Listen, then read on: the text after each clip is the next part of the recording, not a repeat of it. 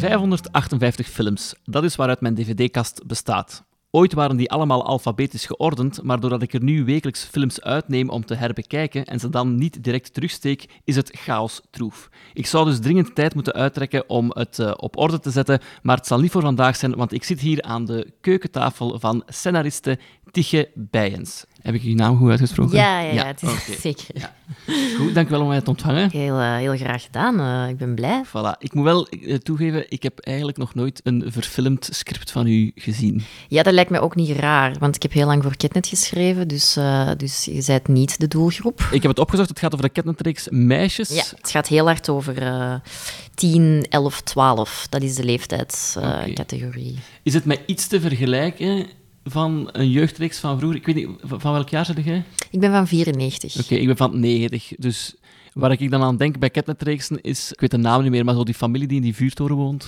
Ah, Round the Twist. Ja, ja. is het daarmee te vergelijken? Of nee, is het totaal niet. Nee. maar wel een hele goede reeks was. Ik heb ooit uh, de, de twist uit Round the Twist bezocht in Australië. Wow. Ja, ja, dat was een mooi moment. Maar, um, en is dat echt een huis of was dat gewoon een set? Of? Dat, dat is echt gewoon een vuurtoren. Hè. Dat, ja, ja. dat is eigenlijk allemaal fake. Zoals Waarschijnlijk is het binnenkant van de studio. Hè? ja, sowieso. Ja.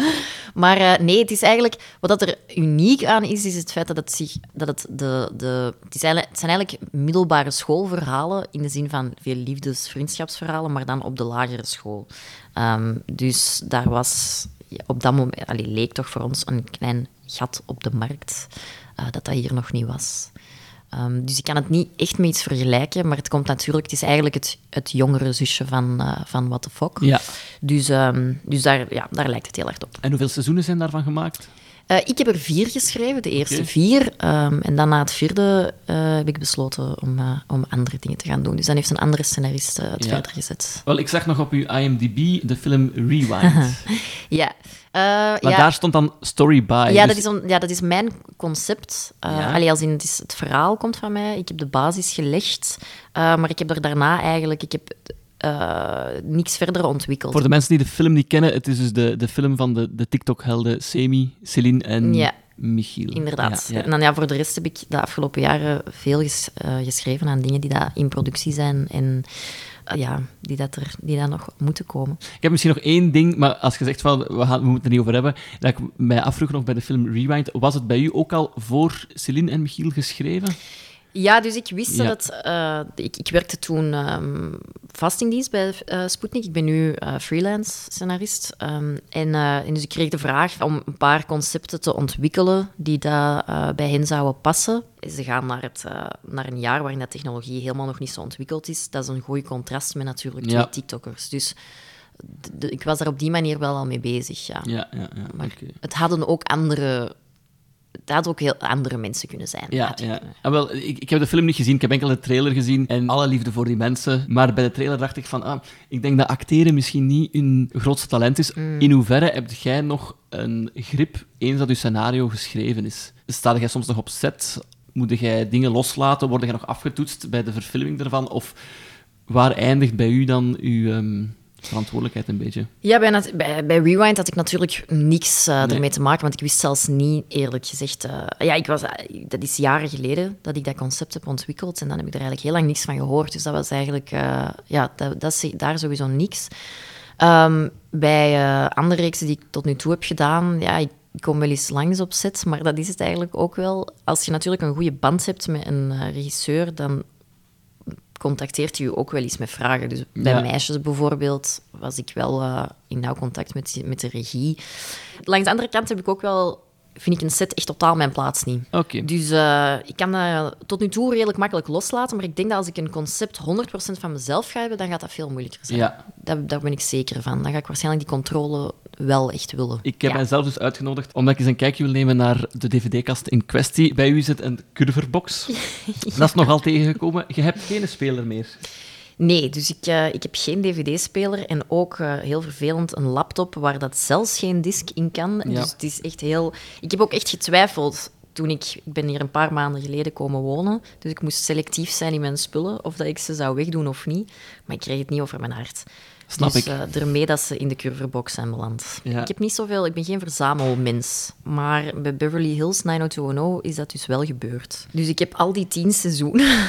ik denk die komen ook nooit op streamers, want die, die reeks is gewoon... Ja, die reeks, eigenlijk is die reeks verschrikkelijk. Maar ik heb er doorheen mijn eigen middelbare schooltijd, die dat zo anders was dan een American High School Ja. in L.A., ja, dat was een beetje wegdromen. Ik wou ook heel lang... Ik heb heel lang naar eh, L.A. willen verhuizen. Ik had het Ah, idee ja. van, daar is het echte leven. Ik ben Ja. er dan uiteindelijk geweest. Ik ben er geraakt toen ik 21 was en ik vond het verschrikkelijk. Dus het was, het was wel een beetje een reality check. Maar ik heb dus ja, zes jaar lang, wanneer dat ik naar een grijze Vlaamse middelbare school ging, elke dag eh, een beetje ja, weggedroomd bij Beverly Hills. Mijn meisjestienerreeks dat ik heb volledig gekeken was The O.C. Ja, ah, wel, ja, dat is een beetje hetzelfde. Hè? Maar dan, ik denk dat de OC kwalitatiever is. Ik weet het eigenlijk. Ik zou het een keer moeten herbekijken, maar ik heb wel die zes seizoenen zo graag gezien. En ik weet dat ik ook nog een dvd-box volledig heb gekocht. Dat was 90 euro. Het was een cadeau aan mijn... 90 euro, wauw. Ja, dat was een mooi Prijzen. cadeau aan mijn lief van toen. Ja. Het is gedaan geraakt. Oh. En ik weet dat die prijs zo redelijk hoog zat in mijn hoofd.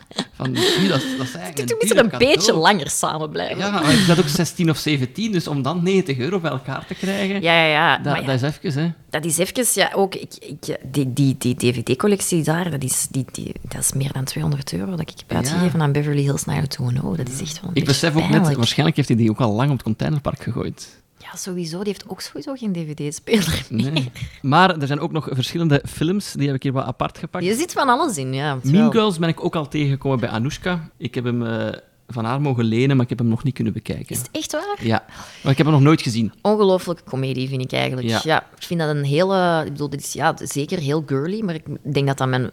Ja, dat is heel lang mijn favoriete film geweest als, als meisje, hè, als Ja. meisje en tiener.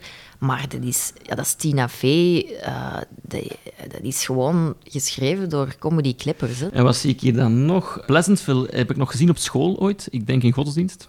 Ja? Dat is de zwart-wit film die stiekem... Die dat dan kleur wordt, worden, ja. ja. Ik heb hem niet in mijn collectie, maar het is wel verdacht hoe vaak dat hij in de kringloopwinkel in Aalst zit. Dat is raar. Ja, Eh, omdat ik dacht, dat dat een ik dacht dat dat wel een obscure film was. Ja, inderdaad, want dat is eigenlijk een film. eh, ik weet niet, ik denk dat ik hem ooit eens op tv heb gezien. En, en ja, ik vond dat een heel mooi, mooi idee. Ik vind dat echt wel een mooie film. Ook een mooie, mooie soundtrack van ehm, Fiona Apple, is het, denk ik. Ehm, maar eh, ik ken niet veel mensen dat die dan kennen of zo. Het is zo'n film waar ik nog nooit met mensen op, over heb gesproken. Dus dat is heel raar, in Aalst. Ja, Maar niemand vindt hem goed, want hij Ah, wel, blijft terug opduiken. hij blijft daar... Hij zi- hij zit er drie keer. Maar kijk, Drie als- keer? Ja, als, als ik hem nog eens... Als de volgende keer dat ik er kom en hij ligt er nog, neem ik hem mee. Je hebt mij al overtuigd. Ja. En ik zie ook al één film er twee keer tussen zitten, die je ook hebt gekozen omdat hij in mijn collectie zat. Dat is eh, The Before Sunrise. Klopt, ja. Ik ga misschien eerst alle films overlopen dat je Ja. hebt gekozen. Hè. Dus jij bent gegaan voor Tootsie, Before Sunrise en Tony Erdman. Was het een moeilijke keuze? Ik vond het een verschrikkelijk moeilijke keuze. Ja. Ja, ik, heb, eh, ik heb eerst een lijst gemaakt van 20 films en dan ben ik stiltjes aan beginnen schrappen. Dan had ik ook op een bepaald moment zag ik een thema. En- Ah, wel, ik heb dat thema ook gezien. Mag ik het eh, raden? Ja, oei, de, Ja, dat is erg. Koffiemachine, koffiemachine, even, even wachten. ja. Dat is, eh, dat is geen probleem, hè. Een goede host zou dit kunnen vol lullen. Ja, maar Ehm, dit is ik gewoon ga het er gewoon irritant. uitknippen, Ja, denk dit ik. is zeker. Ja. Het is verbazend dat al die machines dat doen. Die spoelen zichzelf wel heel... Het zijn wel heel propere Dat machines. is, maar het thema dus. Ja, wat denk jij? Vooraf wist ik het niet. Ik Ja. probeer altijd vooraf eh, te denken. Het was ook allemaal een beetje lang geleden dat ik ze gezien had. Mhm.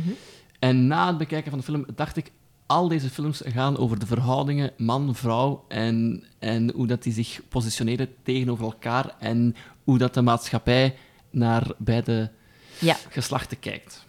Zeker, klopt. Toen ik door de lijst ging, ik vond wel, zijnde een jonge vrouwelijke scenarist, was ik eigenlijk op zoek naar films die dat, ehm, waarin een vrouwelijk hoofdpersonage Ja. zat. Of, maar dan de, de films die dat ertussen zaten, die dat, dat hadden, oftewel waren ze al geselecteerd, of waren films waar dat ik misschien niet per se zin eh, had om over te praten. En dan, ehm, ja, dan ben ik, ben ik ook op zoek gegaan naar de Tootsie bijvoorbeeld is een film die dat, eh, waar ik vroeger heel veel naar heb gekeken, maar waar ik eigenlijk door hem nu te herbekijken pas van zag wat dat, eh, waar dat het echt over ging. Vroeger was dat een komedie, maar er zit veel meer in. Ik denk dat ik een gelijkaardige ervaring heb meegemaakt. Ja.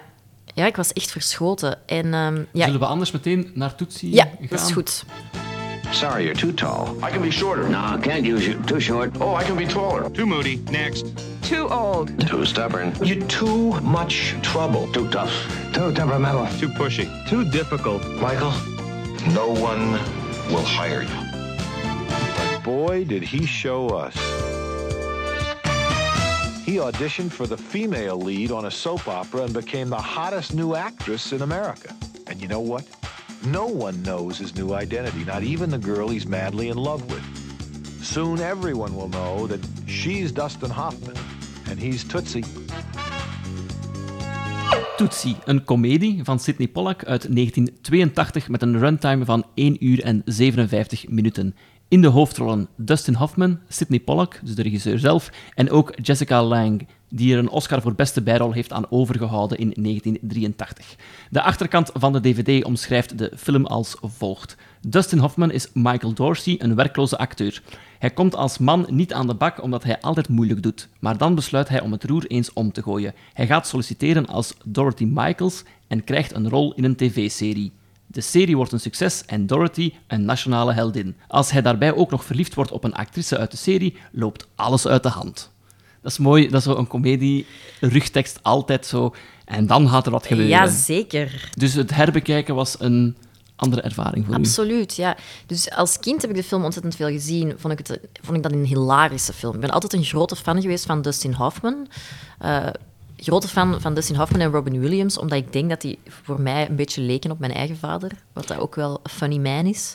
Ik vind het interessant dat je Robin Williams ook zegt, want ik heb de film vooral gezien omdat ik, eh, ik was op zoek naar meer films à la Mrs. Doubtfire. Ja, voilà. Dus eh, ik heb ook lang getwijfeld of dat ik Mrs. Doubtfire ging kiezen Ja. voor, deze, voor Ja. deze gesprek. Maar dan heb ik het toch niet gedaan, omdat Tootsie voor mij... Ja, dat is ook een film waar dat eigenlijk niet zoveel... die Precies niet zoveel mensen kennen. Ja, Ik weet het niet. Ik heb deze week, toen ik met mensen bezig was over... Ah ja, ik, ga, eh, ik kom op een podcast, ik ga vertellen over drie films. En ik, en ik vermeldde Tootsie, was ieder... Tootsie? Wat is dat? Wat een rare naam. Dat is een supergoeie komedie. Maar op de een of andere manier zit hij een beetje in de vergeethoek, hè. in de vergeethoek, ja. Ik denk dat Ja, ik hem klopt. ook ken, omdat Mrs. Doubtfire was echt zo'n vrijdagavond VTM-film. En ik weet dat ik die een paar keer heb bekeken en ik vond die hilarisch. Het moment dat ze met twee kookdeksels haar boezem moet afdeppen omdat Dat in brand staat, is super grappig. Maar mijn mama die zei dan wel vaak van, ah ja, maar dat is zoals Tootsie, maar ik denk dat dat dan, ja, ik denk dat er tien jaar tussen zit. Toetsie is van 82, Mrs. Doubtfire is al inderdaad van de jaren 90, 94 of- 94, ja. 92 misschien, ja. En daardoor dat ik hem dus ook mee op het spoor ben gekomen. ja. Ik- Ermee, ja. Ik, ik- hij, moest, eh, hij moest van onder het stof gehaald worden. Ja, het was tijd ja. om het eens te hebben over Toetsie. Ja, en is er, wat wat is het eerste wat je er nog over wilt zeggen dan?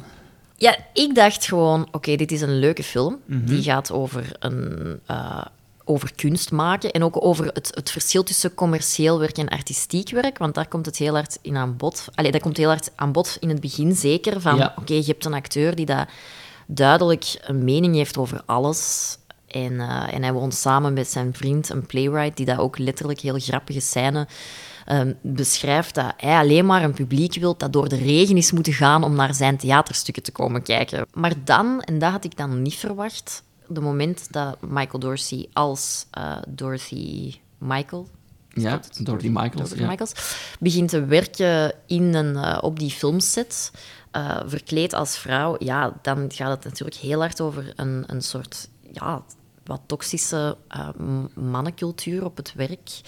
Ehm, een hele, eh, is eigenlijk een slechte werkomgeving waar een aantal regels gelden die dat hij, zijnde ja, als outsider eh, en als man, maar dan verkleed als vrouw, eigenlijk totaal niet oké vindt. En het ligt in zijn aard om van alles een probleem te maken, maar ook van dingen die niet belangrijk zijn. Mhm. En nu komt hij eigenlijk in een omgeving waar dat er van iets heel belangrijk ook wel echt een, pro- allee, een punt moet gemaakt Ja. worden. Hij wordt heel bewust van hoe dat er met vrouwen wordt omgegaan, Ja. omdat hij daar zelf als verklede vrouw nu, nu rondloopt. Ja, inderdaad. Ja. inderdaad. Hij, hij, hij maakt het leven mee vanuit the other side. En, eh, en hij ontdekt dus dat, daar komt de titel dan van, dat hij eigenlijk door de regisseur nooit bij zijn voornaam wordt genoemd, maar altijd Toets, Honey, Baby, weet ik veel wat.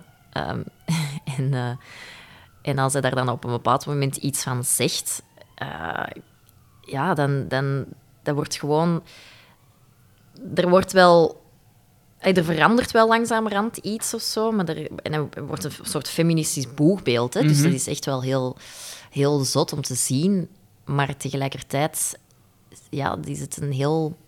We weten ook, dat is 82. Ik vind dat straf dat een film van 40 jaar een probleem aan de kaak stelt dat nu actueel is. Dus Ja, zeker straf. straf. Ja, de vraag is ook, is de film voor op zijn tijd? Of is het probleem gewoon nog altijd niet opgelost? Dat is zo... Ja. Want, want ik heb een beetje opzoekingswerk gedaan nadat ik hem had gezien, omdat ik, dat, omdat ik wou weten van wat was die insteek. En je las ook wel veel over... Op een bepaald moment is er een van de personages die dat zo een paar feministische boeken opsomt. ehm, wanneer dat ze wilt uitleggen waarom dat zij een nieuwe vrouw is de film volgt op al een hele grote ontwikkeling in eh, vrouwen, eh, ja, in de Women's Liberation Front of zo.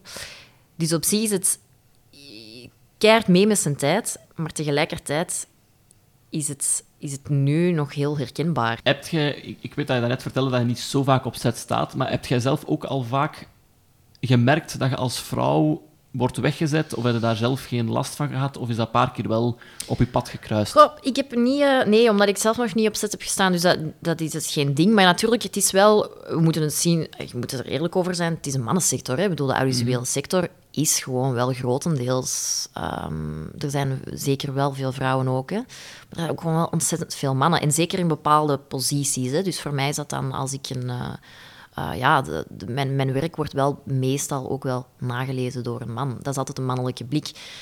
Maar ik heb nog niet meegemaakt wat dat er in Toetsie wordt beschreven. Absoluut niet. Dus daar, daar, heb, ik, eh, daar heb ik geen ervaring mee. Daar ben ik heel blij mee. Ehm, dus ik denk ook wel dat, dat, eh, dat daar veranderingen in... Allee, er, er, is wel, er is wel echt iets veranderd, sowieso. Er is wel waakzaamheid. Voilà. Ik heb altijd een beetje schrik als een film zo bijna twee uur duurt. Maar ik vind dat het hier niet echt een dip heeft.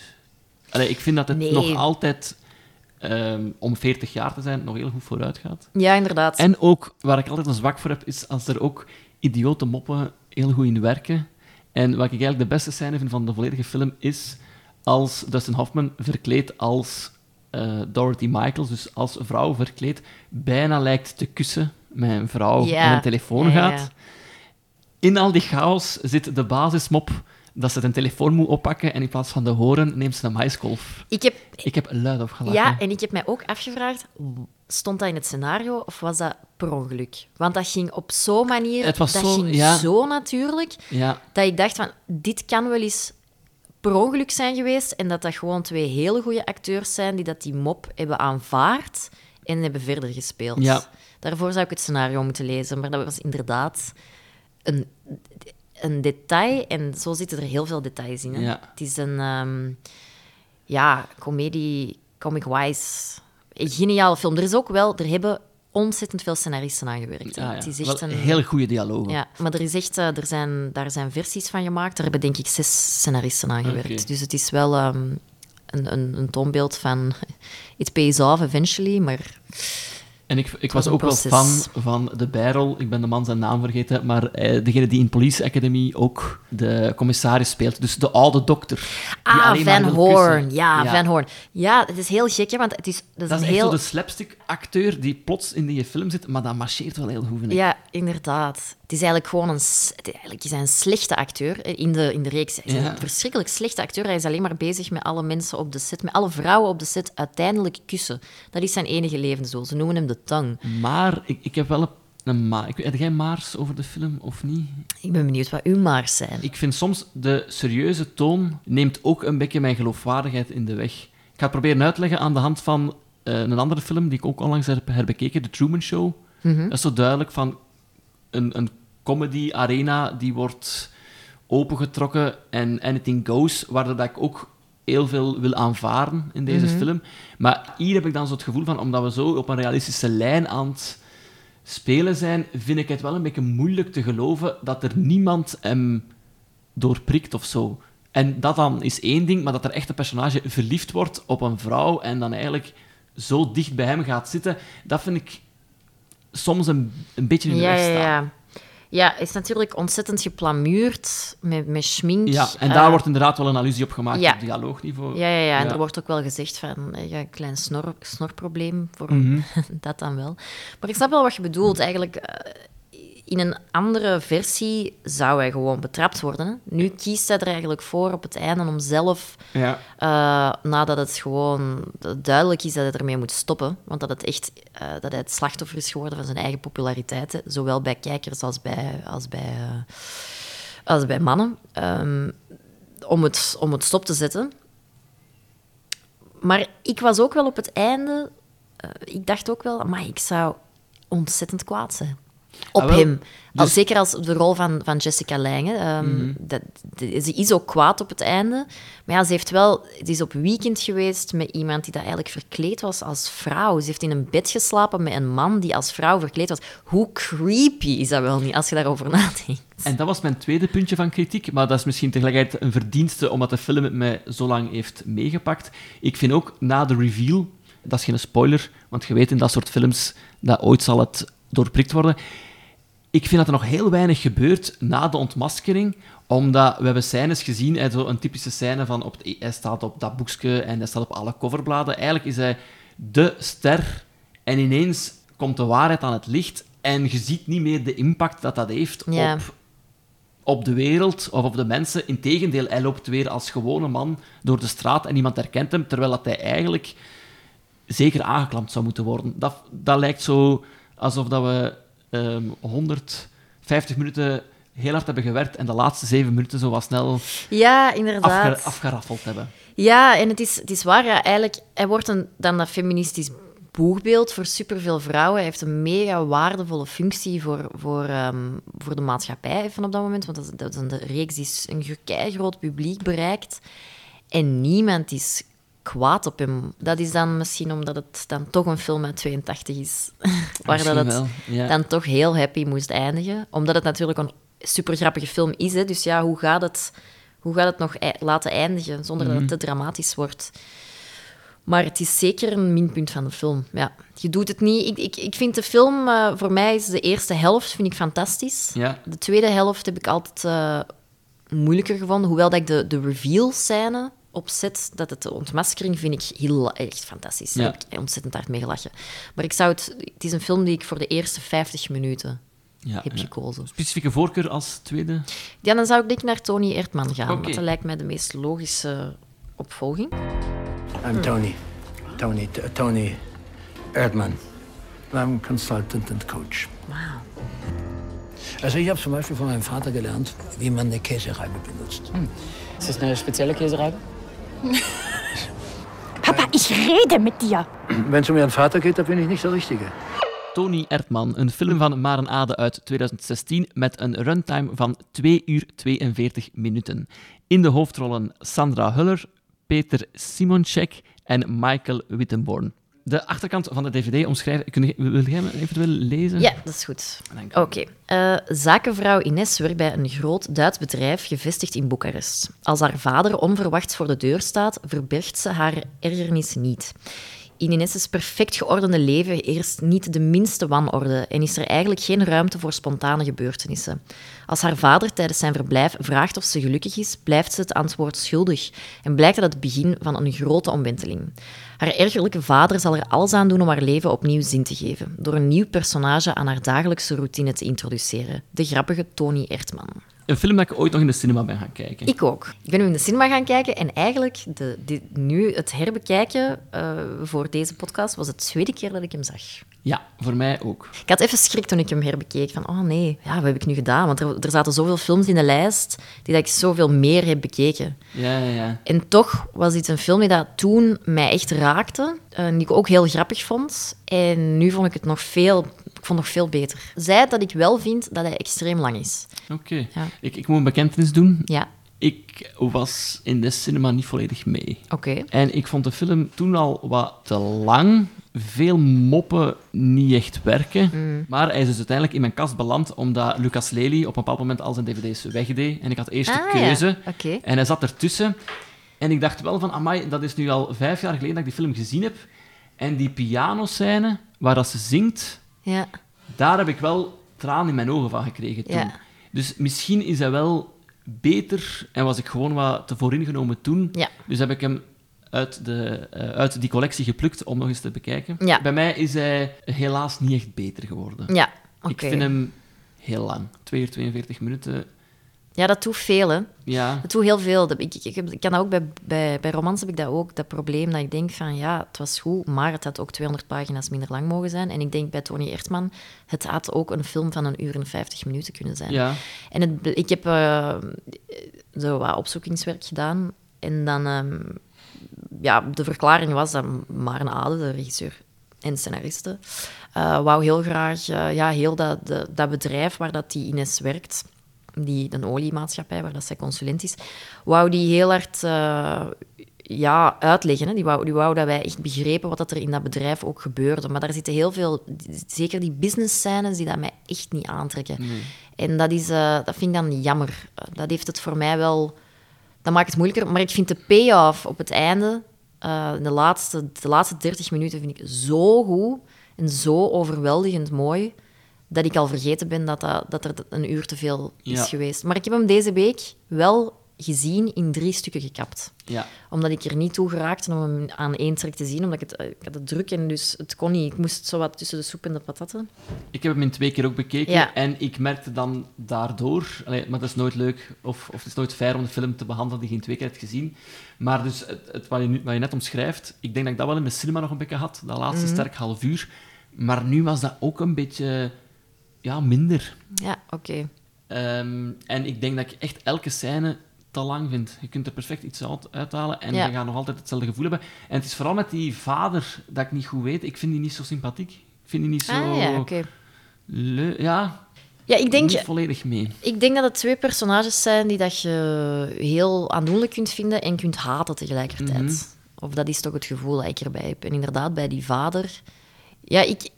Toch tegelijkertijd leef ik ontzettend hard mee mee. Ik vind zo'n beetje een... Het is zo'n pijnlijke... allee, ook wel een pijnlijk figuur of zo. Eh, de, het, is- de film start met... Ja, je ziet al direct, eigenlijk heeft die man niks. Nee, nee, Die heeft eigenlijk heel weinig buiten zijn humor. Hij is gescheiden, zijn vrouw heeft een, een andere relatie. Hij is eigenlijk... eh, Ik weet niet wat, hij werkt op een lagere school of zo. Zijn, heeft enkel nog zijn, zijn moeder, die dat dan hem niet eens leuk lijkt te vinden. Een hond die half dood is en dan uiteindelijk ook dood. Er is zo weinig in die zijn leven, buiten dan de humor. En eigenlijk is dat echt een verhaal van, eh, van een man die dat ja, een beetje vastklampt aan wat er dan ooit is geweest. Namelijk de band die hij ooit met zijn dochter had toen dat zij nog een kindje was. Maar ze is geen kindje meer. En dan, ja, die dat ooit dat heel grappig vond toen dat hij- die tanden instak. Maar nu is het gewoon om zot van te worden. Inderdaad, elke keer als hij die tanden insteekt, er zijn zoveel pijnlijke momenten ehm, dat je denkt, oh, please, doe het toch niet. Niet nu, doe het niet. Tegelijkertijd heb ik bij haar ook het gevoel van, maar meisje toch, wat zet jij aan toe met je leven? Mhm. En vind ik het wel aandoenlijk. Ik zie vrij hard wat de bedoeling Mhm. was of zo, maar ik ben er niet mee mee. En het is misschien een heel rare vergelijking. Ik moest halverwege bij het kijken denken aan Big Fish van Tim Burton. Mhm. Wat eigenlijk ook gaat over een relatie. Ja, vader-zoon. En ja. ook zoiets van, maar stop nu een keer met altijd het idiote te doen, eh, papa, want we moeten serieuze mensen zijn. En ik weet dat daar wel meer ontroering of zo in mijn hoofd zat. En hier vind ik dan zo... De Tony Erdman heeft enkel zijn humor, maar die humor is niet grappig en dat is ook niet erg. Maar de pijnlijkheid van die humor is ook zo niet aandoenlijk of zo in bepaalde scènes. Want op zich iemand die denkt dat hij grappig is en hij is het niet, kan ook heel schrijnend zijn dat je direct die man wil omarmen en denkt van, oh, ik Ja. heb compassie met u. Maar hier is het zo in die rauwe stijl een beetje... Ja, dat, dat ik hem echt irritant... Dat, dat, dat ik me zo kan voorstellen, ah, dat is zo de kerel die op het feest naast u staat en waar blijft staan en zo. Dus dat je echt wel van wilt weglopen, maar Ja. die je toch, toch blijft volgen. Ja, ik snap helemaal wat je zegt, hoor. Ik, eh, ik begrijp het zeker. Toch heb ik geweend bij het Ja. laatste half uur. En ik denk dat het ook wel... Ik ben natuurlijk zelf een dochter van een vader. Mhm. En ik denk dat daar voor mij misschien dan ook meer de gevoeligheid zit of zo. Omdat ik ook een, een, ja, een werkend persoon ben die Ja. daar ook bezig is met een carrière uit te bouwen. En soms ook wel met fases ontzettend mij overwerkt voel en zeer overprikkeld. En ook de, merk dat natuurlijk de band die je met je vader hebt ook wel verandert. Uh, dat is uh, logisch, dat is een normale rite of passage of zo. Is hij iemand die u de liefde voor film heeft bijgebracht? Ja, 100 procent. Ja. Ja, ja. Dat is echt ons ding geweest, altijd. Uh, mijn papa heeft zelf lesgegeven uh, op het Rits. Hij is ook departementshoofd geweest. Had ah, oké, okay. dat ja, wist ik niet. Ja, hij heeft van, van 2000 tot 2012 departementshoofd geweest, dus dat is lang. En uh, ja, hij heeft een gigantische filmcollectie. Dus um, als klein kindje dan, dan vroeg ik af en toe van, ja, zet eens iets op. En dan zette hij iets op. Sommige dingen gezien die ik waarschijnlijk niet op die leeftijd had moeten zien. Ja. Maar... Heb je zo een film, een, een herinnering aan een film van veel te vroeg? Ja. En welke is dat dan? Uh, ik, ik heb op... Maar ik vond het supergoed, hè. Maar als, als, uh, als tienjarige was ik zot van Hitchcock. Ik bedoel, ah, is ja, hoe, ja. welke tienjarige kijkt er naar Hitchcock-films? Dat is gewoon een heel raar idee. Ja. Dat is gewoon echt... Een, de gemiddelde tienjarige kijkt echt niet naar Hitchcock-films. En het was krokusvakantie en ik had niks te doen.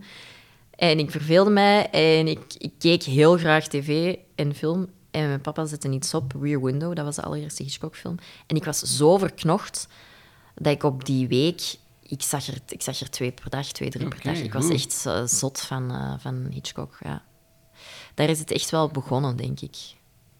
Ik heb uh, Bram Stoker's Dracula van, van Coppola heb ik ook op een veel te jonge leeftijd Ja. gezien. Daar heb ik wel echt nachtmerries van gehad. Dat, ik, dat had ik niet op die leeftijd mogen zien. Maar, ehm, maar ik begreep er denk ik niks van. Bij mij is ook zo'n film dat ik onlangs op het grote scherm heb gezien, omdat er een vertoning was van The Goonies. Ah, en dat ja. was een VHS die bij mijn oma lag. En ik heb die dus... Dat zal de film zijn dat ik het meest in mijn leven heb gezien, honderd keer. Ja. Zeker.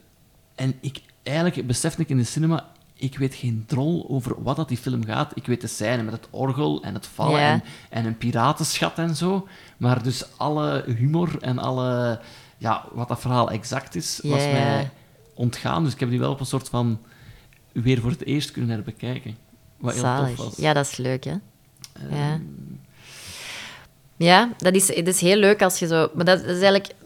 door- Denk er nu aan bij Tony Erdman. Eigenlijk wat ik daar straks nog wou zeggen, nog voordat we aan de podcast begonnen waren. Wat denk ik... Wat, wat ik soms kan meemaken met films, is dat... ehm, dat ik de tweede keer veel geraakter ben, omdat ik een bepaalde scène verwacht. En omdat ik dat is ook wel eh, beroepsmisvorming, maar mij heel erg bewust ben van de opbouw in het scenario naar die specifieke scène toe. Waardoor dat, dat zo soms ingenieus kan zijn dat, ik, dat ik zeer geraakt ben bij dan één beeld. Wat Ja. ik had bij Tony Erdman bij bijvoorbeeld de knuffel op het einde. Die kwam super hard binnen, maar ik wist dat die ging komen. Ik had de film al gezien en de eerste keer heb ik er helemaal niet bij geweend. En nu, ja, misschien had het ook een emotionele week, kan ook, maar toch, eh, je ziet de weg er naartoe geplaveid en dat, is, dat komt binnen. En ik had dat ook heel erg bij Juno. Oké, ja. Die zag ik, dat had ik al veel gezien. En dan zag ik hem twee jaar geleden nog eens opnieuw. En daar zit een shot in nadat, het, nadat ze haar kind heeft afgestaan. En eh, doordat ik mij bewust was van haar emotionele ontwikkeling door in de film, was dat ene beeld ineens genoeg voor superveel tranen. Vond ik dat heel ontroerend. En dat vind ik eigenlijk wel... Ik hou wel van films herbekijken en ik vind dat ook heel belangrijk. Dat kan, heel, eh, dat kan een heel andere ervaring zijn de tweede keer. Ja, exact. Helaas voor Tony Erdman is het wat in hetzelfde bedje ziek gebleven voor mij. Dus- Voilà, voor u wel, voor mij dan weer niet. Nee. Ehm, ja, ik, ik, ik raad hem toch nog altijd aan. Maar ik zou zeggen, eh, verander de verwachtingen naar een drama, waarbij dat je u ook heel vaak gaat storen. Mhm. En neem nu een tijd. En als het nodig is, deel hem in drie. Kan wel. En ik heb ook wel eh, bijna niet gelachen. Ik ben sowieso iemand die niet snel luidop lacht bij films. Ik heb, eh, ben meer een interne lacher. Ja. Maar bij deze film heb ik wel degelijk echt niet Nee. gelachen. Ik heb alleen maar geweend. Dus toen dat Ah, het ja, ja. absurde komedie, ça va wel. Misschien toch eerder een beetje een absurd drama. All right, I have an admittedly insane idea, but if I don't ask you this, it's just gonna haunt me the rest of my life. I have no idea what your situation is, but I feel like we have some kind of uh, connection, right? Yeah, me too. Great. So listen, here's the deal. This is what we should do. You should get off the train with me here in Vienna and come check out the town. We just got into Vienna today, and we're looking for something fun to do. Sprechen Sie English? Ja, course, yeah. Uh, do you speak German for a change? Now I'm gonna call my best friend in Paris, who I'm supposed to have lunch with in eight hours. Okay? Okay. Ring, ring. Pick up the phone. Uh, oh, hello? I don't think I'm gonna be able to make it for lunch today, I'm sorry. Before Sunrise, een film van Richard Linklater uit 1995 met een runtime van 1 uur 45 minuten. In de hoofdrollen Ethan Hawke en Julie Delpuy. Delphi. Delphi. Delphi. Delphi, dank u. De achterkant van de DVD omschrijft de film heel lang en gaat als volgt. Als je ondertussen naar het toilet wilt of zo, het is echt een labtekst. Is het waar? Gisteren waren ze nog vreemden, vandaag zijn ze onafscheidelijke zielsverwanten. Maar de scheiding is onvermijdelijk en in de paar uur die hen nog resten, proberen Jesse en Celine elk moment zo intens mogelijk te beleven, voor de zon weer opkomt. Regisseur Richard Linklater, Dazed and Confused, schetst opnieuw een raak geobserveerd portret van twee jonge mensen op een kruispunt in hun leven. En het is nog niet gedaan, want nu begint eigenlijk gewoon de synopsis nog eens opnieuw.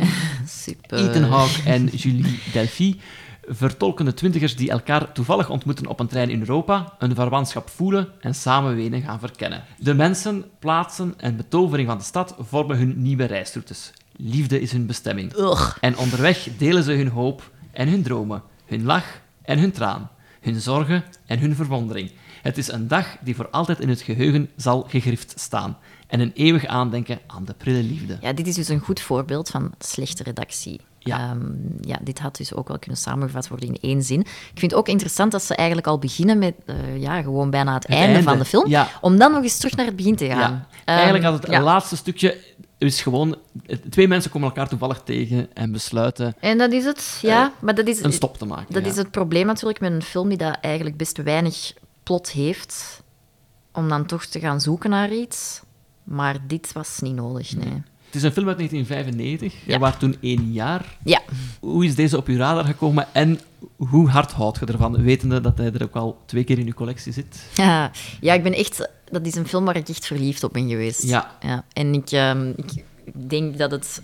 Ja, misschien is het heel eh, voorspelbaar dat je daar dan zo verliefd op bent, omdat het ehm, heel... eh, Een beetje een stilistisch ding is ook, hè? want het gaat, over, het gaat over één dag. We volgen twee personages één dag, dus het is, het is een beetje antiplot waar het over gaat. Er, zijn, er wordt gewoon ontzettend veel gebabbeld. Babbel, babbel, babbel, babbel, babbel. Dat is natuurlijk elke scenarist zijn droom om te Mhm. maken, maar ook wel niet iets wat dat veel gemaakt moet worden, omdat het ook heel moeilijk is om te maken. Ik, ehm, ik weet niet goed hoe dat op mijn radar is gekomen. Ik herinner mij dat die film af en toe op 5TV werd getoond. Als zijnde een heel romantische film. En dat het mij toen, als ik een trailer zag, totaal niet aansprak. Dat ik dacht van, oké, het ziet er heel melig uit. En dit- als je nu de achterflap leest, zo werd hij waarschijnlijk ook in de tv-boekjes eh, beschreven. Kijk je vaak Ehm, naar 5TV? Eh, ja, ja, ik keek daar wel regelmatig. Dat is niet erg, maar bij ons staat dat gewoon op, op Dat post erg. 13. En daar ben ik dan nooit bij geraakt of zo. Ah, ja, was ja, zo- dat is al, ja, dat is al afgehaakt op dat ongeluksgetal. Ja. En dan, eh, ja, dan heb ik die eerste gezien, toch eens. Eh, en ik was, ja, ik was, ik was heel verrast. Het was totaal niet wat ik had gedacht dat het ging zijn. Ja. Bij mij is de DVD in de kast beland omdat mijn eindwerk, dus mijn kortfilm uit 2013, een beetje in dezelfde thematiek zat. Ja. En ik had het scenario laten lezen aan Line Pilet, een actrice, Mhm. die eh, wou meedoen, heeft ook meegedaan in de film. En zij zei, het heeft een heel hard before sunrise, before sunset gevoel. Ja. En op basis daarvan heb ik eh, de film ook gekocht om te bekijken, zo'n beetje in, in de studie. En ik, ik had er wel heel goede herinneringen ook aan. Ja. Het was tien jaar geleden dat ik hem niet had gezien. In mijn hoofd was het een film die heel veel in één shot wordt verteld. Wat eigenlijk ook zo is. Ja, dus de klopt. dialoog... Ja, de er soms overgang, takes eh, van, 10 minuten, eh, ja. takes van 10 minuten zitten. Dus in het begin was ik even verrast, omdat het wel heel gedecoupeerd begint. Maar er zitten wel echt heel goede dialoogscènes in. Ja, het is een, ehm, voor een... voor- ja, ik vind het vanuit scenario-standpunt vind ik het een, eh, vind ik het een beetje een, een, een masterpiece wel. Mhm. Omdat het, ehm, het is... Het is eigenlijk... Er gebeurt heel weinig, dus het plotgewijs super beperkt. Het is eigenlijk echt een intern, een intern plot. Ehm, die gesprekken tussen die twee mensen, hoe dat die in elkaar overvloeien en de ontmoetingen dat die meemaken, die dat die gesprekken kleuren en, en veranderen. eh, ja, ik vind dat het ongelooflijk goed in elkaar steekt. Heb je er al dingen uit gepikt uit eigen werk? Mm, dat denk ik nog niet per se. Nee. Nee, nog niet per se. Maar het is, ehm, het is zo wel een soort film dat je leven ook wel wat beïnvloedt. In de zin, of heeft beïnvloed. Ik ben ook een sucker voor treinen. Dus, Ah, ik, ja, ja. ik heb, dus ik ben ook altijd... Oké, ik heb veel in mijn leven op de trein gezeten. Ik heb ook, ben ook veel in mijn leven op reis geweest met de trein. Ehm, misschien ergens ook wel in de hoop dat mij hetzelfde zou overkomen. Dat het, is, heeft nooit plaatsgevonden. Nee, nee, nee het is nooit gebeurd. Ik, eh, er zitten ook wel veel vervelende mensen op de trein. Dus, eh, dus dat, eh, nee, dit is, het is nooit gebeurd. Maar ja, dit is zo'n toeval en zo'n romantisch idee of zo. Ja, Ik volg mooi. ook wel wat je daarnet zei, van dat, dat het een droom is van een scenarist om dit te doen. En soms komt de film voor mij wel, nu mij te herbekijken, ook zo een beetje over dat de sterkte van de film is soms ook zijn eigen zwakte een beetje, omdat ik niet elke scène even goed vind. Mhm. En dan is het in de stijloefening soms niet evenwichtig. En ik moest plots denken aan, maar ik weet niet of je dat gezien hebt, dat was een, een reeks State of the Union. Ja, ja, ja, die heb ik gezien. Ja. dat ja. afleveringen van 12 minuten of 10 minuten was. En dat voelde dan eigenlijk zo behapbaarder of zo. Ja. Dat je straffe scènes zet en dan is ineens die aflevering gedaan, dus je wil een volgende opsteken. En hier heb ik soms het gevoel dat straffe scène, straffe scène, ah ja, hier is het wat min- En dan is er minder om achterweg te steken, want Ja. soms geloof ik het niet 100%. En dat is jammer, omdat ik andere scènes wel 100% geloof. Ja, begrijp ik helemaal. Ik vond hem als twintiger, begin twintiger, was het zo... Was dat een film die ik heel... Die, waar, van toen veruit mijn favoriete film. Ja. Als, eh, als 20, 21-jarige zeker, dan was ik er echt zot van. Ik was toen ook... eh, ik, ik zat toen op Erasmus en ik herinner mij nog... Het is, ook, het is gewoon echt een Europese film. Hè, ondanks Mhm. het feit dat Ethan Hawke dan wel Amerikaans is en Richard Linklater ook, is het echt een heel, heel Europese film. En, en, en dat, toen ik op Erasmus zat, was dat op, op dat moment was die film van groot belang voor mij. Maar doorheen de jaren is het niet meer mijn favoriete film geworden. Mhm. In hoeverre mate dat je een favoriete film kunt hebben, maar, maar dat is het wel niet meer. Maar het blijft wel super interessant. En het blijft ook vooral interessant ook in het licht van dat het natuurlijk een trilogie is. Ja. Hè? Dus ik denk, je moet hem ook... Ja, je moet hem ook zo bekijken, denk ik. Mhm, Want ik was eigenlijk aan het wachten op de scène dat, dat ze in de boekenwinkel zaten en die zitten niet in. Dus ik denk dat dat dan in de 2 zit. Ja, die in scène in, de boekenwinkel, ja, scène in de boekenwinkel is inderdaad in de twee. Ja. In de eerste zitten ze in een En platenwinkel. De derde heb ik nog niet gezien. Ah ja, oké. gekomen. Ja. Ik vond, eh, ja, Before Sunset vond ik ook heel goed. Eh, ik heb wel Before Sunrise het meeste gezien. Ja. Omdat daar de, de- ja, de start, hè, de, de, dat is wel... En de programmator van 5TV was ook duidelijk Ja, voilà, was duidelijk ook deze. meer van Ja. van deze. Ik vond Before Midnight, ja, dat, dat brak mijn hart wel een beetje. Maar dat ga ik niet... Ik, ik zal er niet over uitweiden, maar het is, het is niet dat er grote dramatische dingen gebeuren. Maar natuurlijk, ja, de tand des tijds op een relatie. Mhm. ehm, op, op, op, gewoon ons als mens, hè, de, de desillusies of zo. De, de vermoeidheid een beetje. En dat was wel... Toen miste ik even heel hard de romantiek uit de Ja, ja, ja. eerste film. Was het altijd een trilogie in, in het hoofd? Of is het... Nee, nee, nee. Dus het is gebaseerd op Richard Linklater heeft dit zelf meegemaakt. Hij heeft Ah, ja. effectief iemand ontmoet. Dat is eigenlijk best wel een pijnlijk, een beetje een sad verhaal. Ehm, hij heeft ooit iemand ontmoet op de trein. En zij hebben dat afgesproken ook, dat moment. Maar dat moment is er nooit gekomen. Ehm, ze, gingen elkaar, ze gingen elkaar nog zien nadat ze samen waren Ja, geweest. ze Of- besluiten eigenlijk... Ja. We gaan binnen, binnen Ja. negen jaar of, of binnen vijf, zes jaar... Inderdaad, Exact ja. dezelfde plaats. Ja, of, ik denk dat het zelfs een jaar was of Of zo. een Of, jaar, het, is, ja. het is eigenlijk korter volgens mij, of misschien zelfs zes maanden. Nee, het, is een jaar. Dus omdat er negen jaar tussen elke film zit, dat ik het Ja, dus in de war inderdaad. Ja. Ik weet niet helemaal exacte details meer, maar ik weet wel dat uiteindelijk eh, die... Ik weet niet of dat hij is komen opdagen, maar zij alleszins niet. Ja. En hij heeft die film gemaakt toen. Eh, dat was niet zo lang nadat dat gebeurd was. Eigenlijk ook als een soort ehm, ja, boodschap van Ja. als je mij... Want dat was een periode van natuurlijk geen, geen nee, nee, nee. telefoontoestellen, geen, eh, geen e-mailadressen. Eh, ja, wel huisadressen voor post, maar ja, als je verhuist is dat ook direct al eh, van de kaart. Ehm, als een soort ja, ja, oproep hè, naar Ja. haar, warme oproep, van als je er nog bent, neem contact met mij op. Maar zij was overleden. Oh. Ja, dus ehm, zij, hij heeft de film gemaakt en hij heeft eigenlijk dan, naar aanleiding daarvan, ik weet niet hoe dat hij dan iemand heeft contact opgenomen van die haar familie, dat weet ik niet helemaal hoe dat, dat is gebeurd. Maar zij was niet meer, uh, Oh, er was ondertussen iets gebeurd met haar.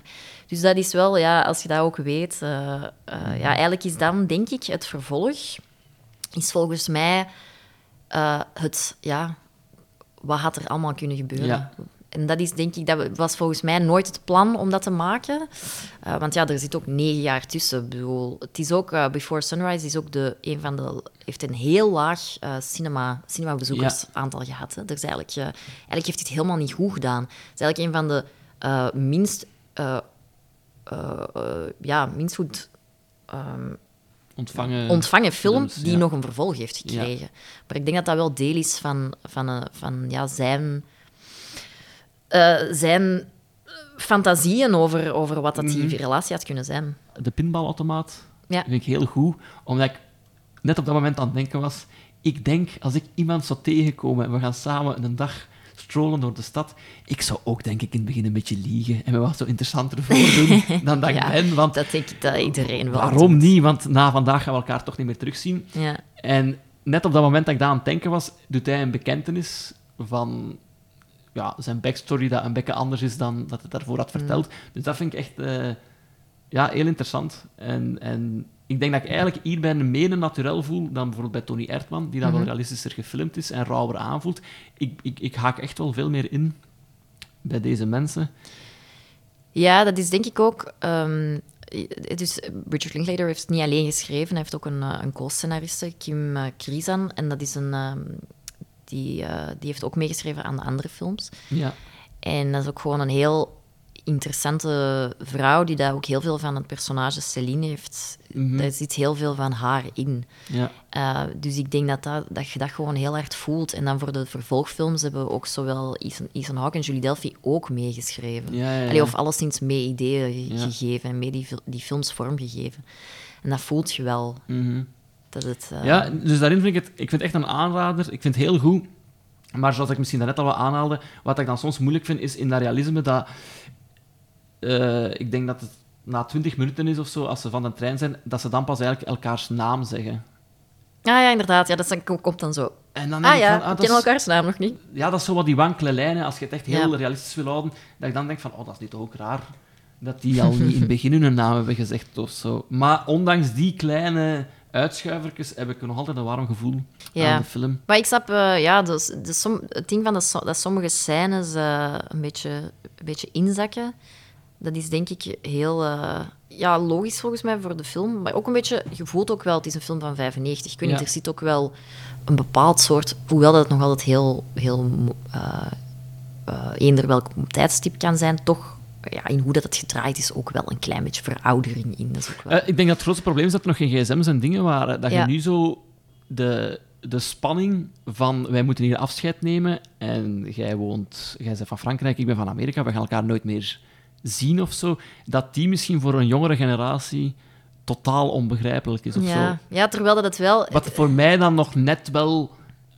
en ik denk voor u ook eigenlijk wel nog, ik kan er mij wel nog iets bij voorstellen. Ik kan er me eigenlijk zelf niet echt iets bij Nee. voorstellen. Nee, dus ik heb zelf... eh, ja, nee, want ik, ik ben echt wel een... eh, Heb je nog pennenvrienden gehad? Via de Jommekeskant of zo? Nee, nee, Ah. ik heb nooit pennenvrienden gehad. Nee, dus ik, ik kan mij niet, eh, niet die tijd herinneren. Maar ik weet wel, mijn ouders hebben wel zo'n anekdote over hun eerste afspraakje. Dat was ook allemaal via post. En, en toen had mijn mama eigenlijk een brief gestuurd dat ze er toch niet in kunnen geraken. Maar die brief was niet op tijd aangekomen. Dus mijn vader was toch op de afgesproken locatie komen opdagen. En had, eh, zijn, eh, ja, heeft zich dan een, nacht eh, bezig gehouden tot de eerste trein, s ochtends. Oh. Maar ehm, ja, ik, allee, ik denk dat, die, dat, dat de anekdote was. Oftewel heb ik hier nu net echt een anekdote mega hard verzonnen. Dat Maar het is, het is zo'n mooie anekdote. Maar dat het ik is zo'n mooie anekdote. Ja, we, gaan, we gaan gewoon geloven dat het Ja. klopt. Dus op die manier weet ik wel dat het datingleven heel, heel anders was. Maar natuurlijk, ja, ik heb ook wel ontmoetingen gehad in mijn leven. Ik heb veel gereisd. Ik ben ook... allee, veel gereisd, ça va wel. Maar eh, ik ben ook een tijd alleen in Australië geweest. En ik heb ehm, ook wel heel veel on- mensen ontmoet op reis, waarvan dat ik mezelf ook wel afvraag, hoe gaat het daarmee? En ik ga dat waarschijnlijk nooit nog weten. Nee, nee, nee. En dat is altijd wel gek, zo de tijdelijkheid van... eh, en dat ze dan op het einde beslissen van... ze hebben eigenlijk besloten, we gaan niet afspreken, we gaan dit echt houden voor wat het is. Maar een einde is heel moeilijk. En dat zit er heel goed in verweven, Mhm. dat ze dan toch op dat allerlaatste nippertje terugkrabbelen.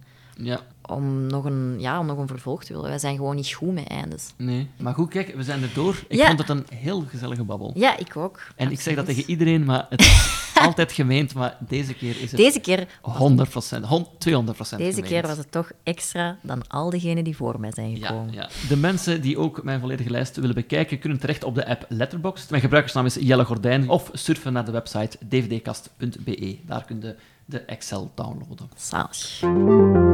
Thank you.